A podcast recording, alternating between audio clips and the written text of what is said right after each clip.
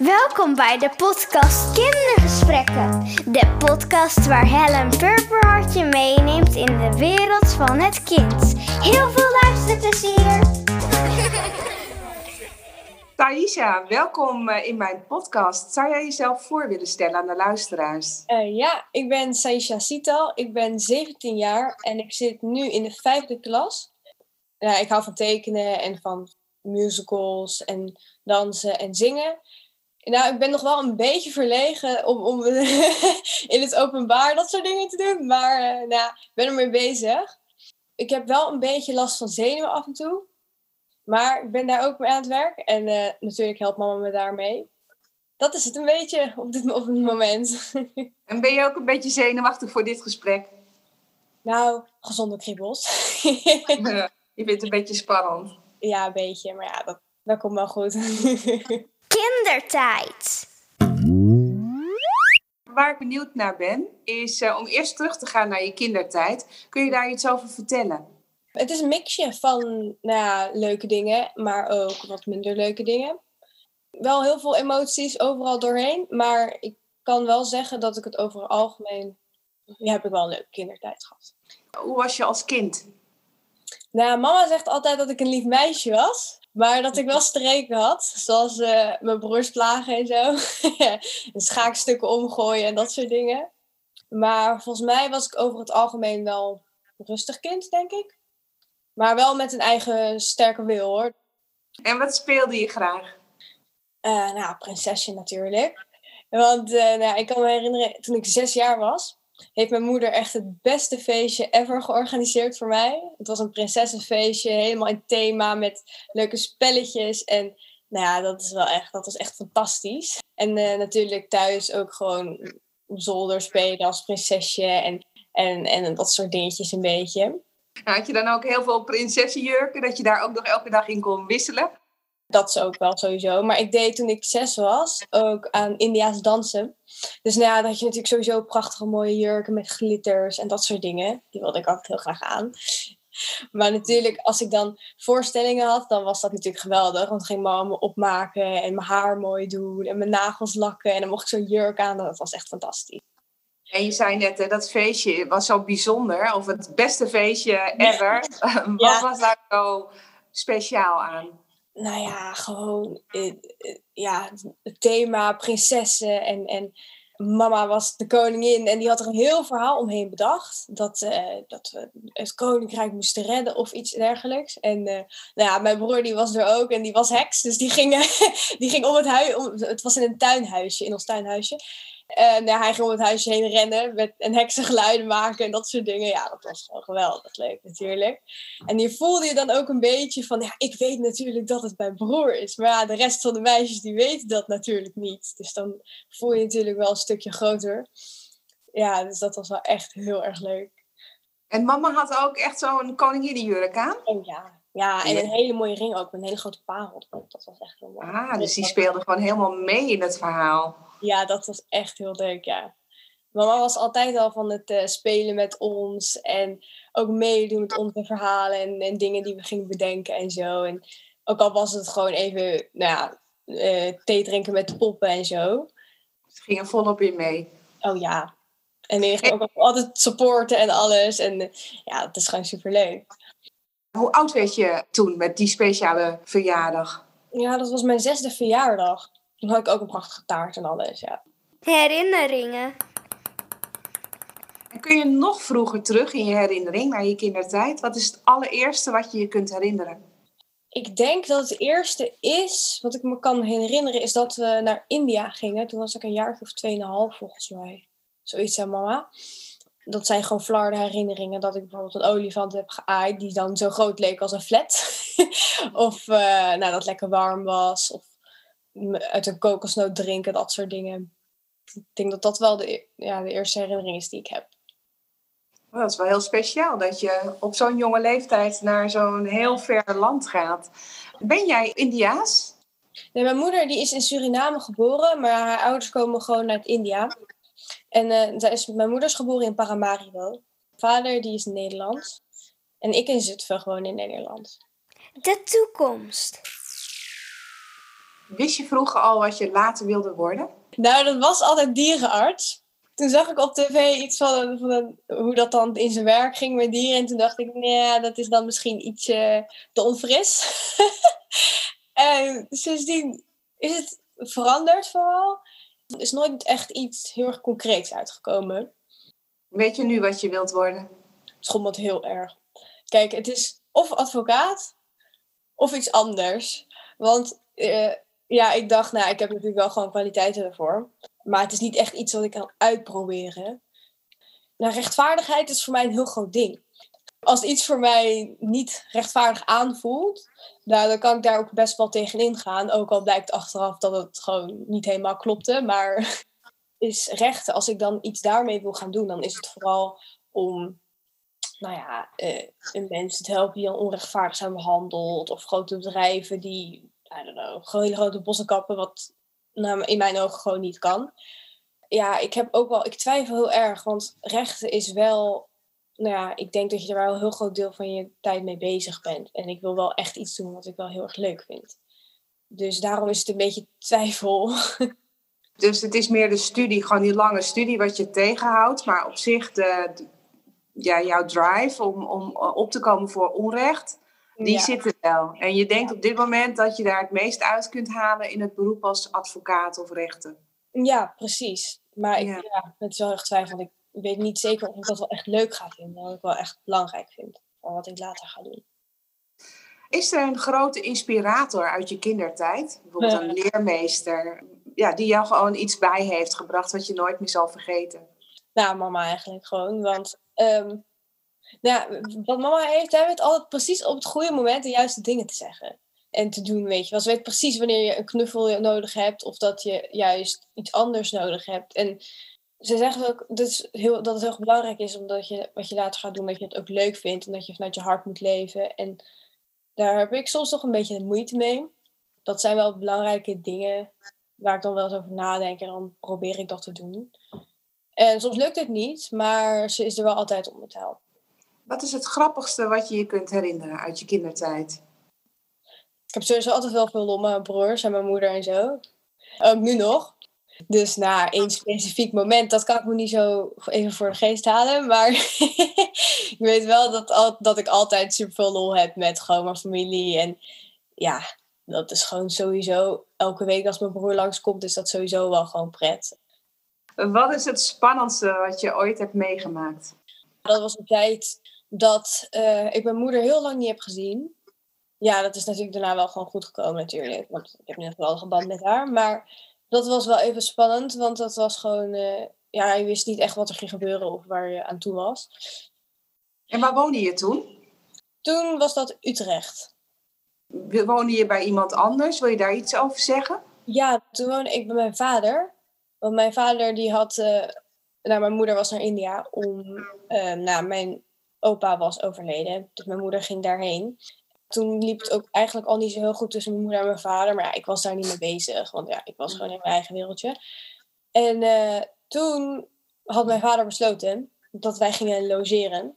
Ik en mijn broertje. Bij hem. Bij dat logeren hoorde toevallig ook alle spullen meenemen. En elke keer als je dan vroeg van ja, hoe lang blijven we dan? Want je kreeg ook een eigen kamer. En je zag wel van ja, misschien is er wel iets heel, iets heel anders aan de hand. Maar dan was het antwoord altijd ja, we zien wel. Het is een soort vakantietje. Maar dat eindigde uiteindelijk wel dat ik gewoon mijn zevende verjaardag zonder mijn moeder heb gevierd. En dat ik haar, ik weet niet precies hoe lang, maar ik denk misschien een jaar of zo. Nee, niet een heel jaar. Misschien iets korter, maar wel een hele lange tijd niet heb gezien. Dus dat was wel, dat was wel even spannend. Wat mis je uit je kindertijd? Dat niks hoeven. Gewoon lekker kunnen spelen, niet aan andere dingen hoeven denken, niet dingen moeten, gewoon je eigen ding doen. En dat het grootste probleem wat je dan op dat moment had, was naar bed moeten terwijl je er geen zin in had, terwijl je eigenlijk gewoon lekker wilde doorspelen met waar je mee bezig was. En zijn er ook momenten die je totaal niet mist uit je kindertijd? Ja, het, het niks kunnen, een beetje machteloze. Dat je wel dingen ziet, dat niet alles aan je wordt verteld, maar dat je wel natuurlijk, je, je denkt na, je ziet wat er gebeurt en dat je er iets aan wil doen, maar dat je niks kan. Dat een beetje. Want je merkt wel als je groter bent of groter wordt, dan kun je meer dingen zelf doen, meer, nou ja, meer zelf sturen, zeg maar. Emotie. van welke emotie had je vaak last als kind? Ik was sowieso een beetje een driftkikker. Gewoon als iets me niet zinde of, uh, nou ja, ik vond iets niet eerlijk, dan gewoon boos worden. En doordrammen ook wel een beetje. Het grootste probleem is vooral, misschien nu ook wel een beetje, maar dat werk ik natuurlijk aan, is dat wegdrukken. Ik ging heel veel mijn emoties wegdrukken. Ja, dus niet willen ervaren en dan gewoon wegstoppen en gewoon niet meer naar omkijken, zeg maar. En was dat met alle emoties of een emotie speciaal? Vooral verdriet, denk ik. Kwam er dan weer op andere onhandige momenten weer uit. En terwijl er eigenlijk niks aan de hand was, dat je dan wel ineens heel erg gaat overreacten. Terwijl het eigenlijk helemaal niet nodig is.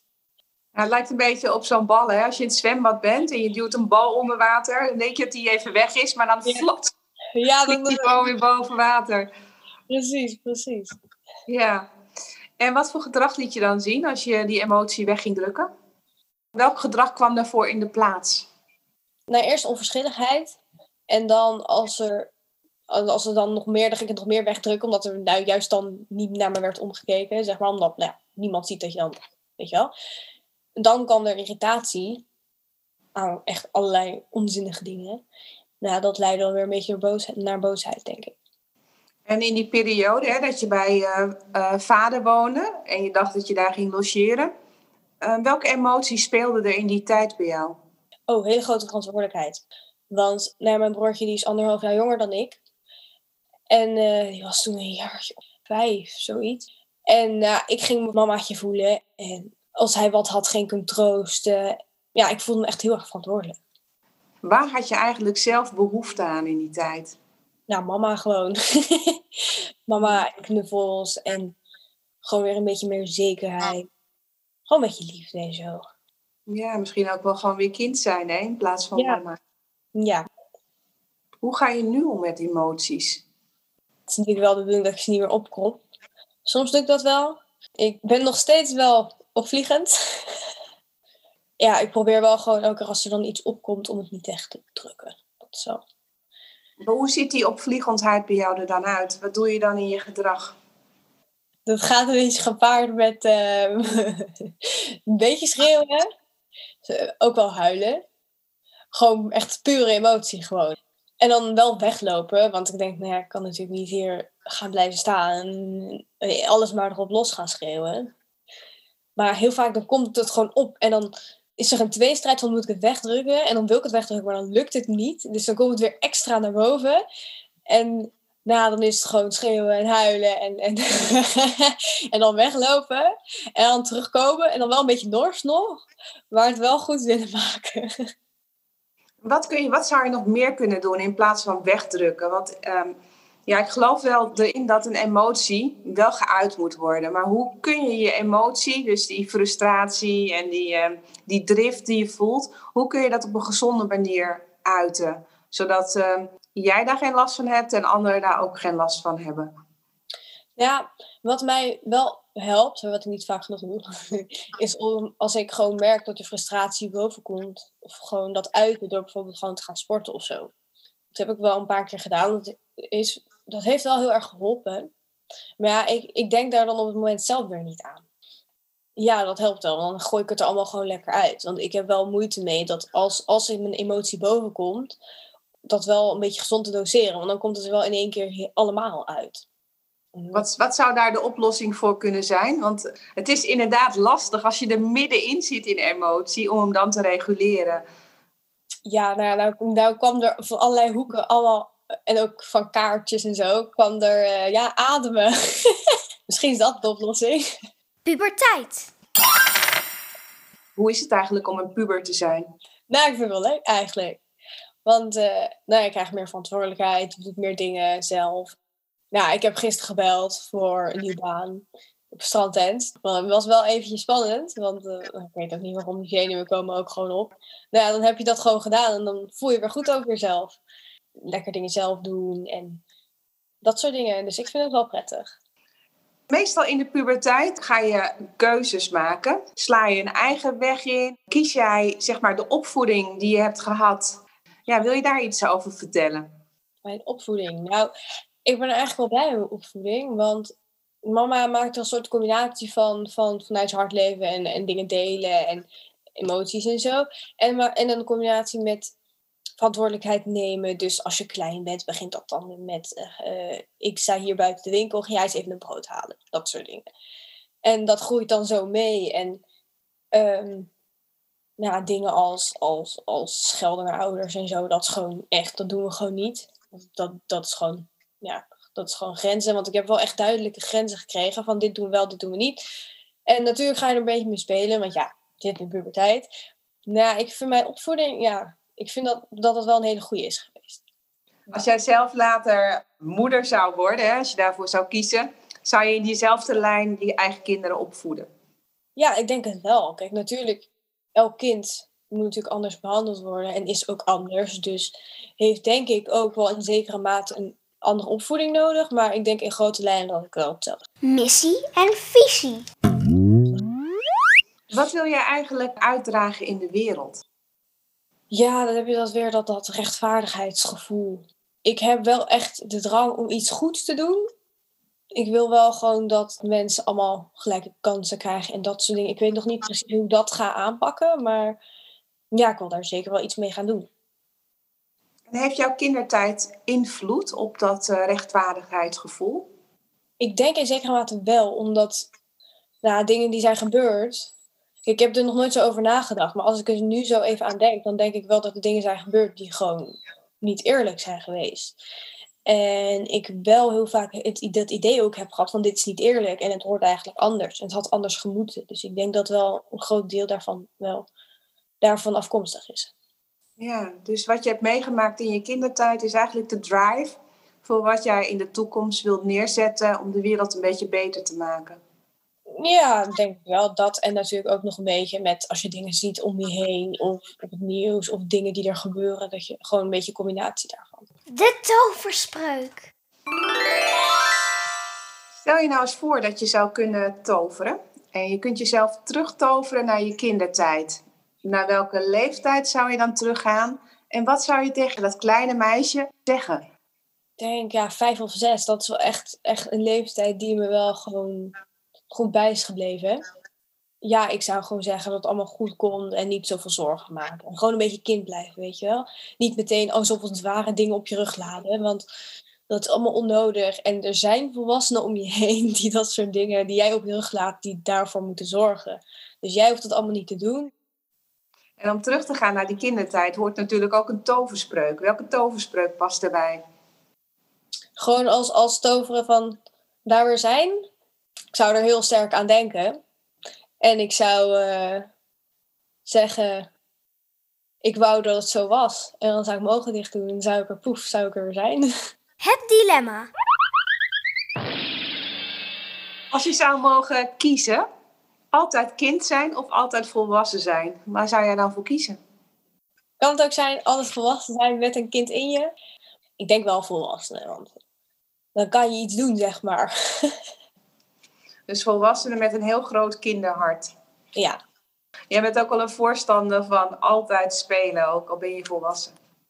Nou, dat komt door mijn moeder. Want uh, nou, zij, zij, mijn moeder is altijd een beetje maf. En die doet, uh, die doet soms een beetje gekke dingen. En die gaat gewoon in vleugige jurkjes de straat op. En, en met beenwarmers en dansend. En soms dan gaat ze random op straat dansen of zingen. Of dat soort gekke dingen. Dus uh, dat zie ik natuurlijk ook wel. Dat vind ik ook wel leuk. Ja, dat is wel het voorbeeld natuurlijk.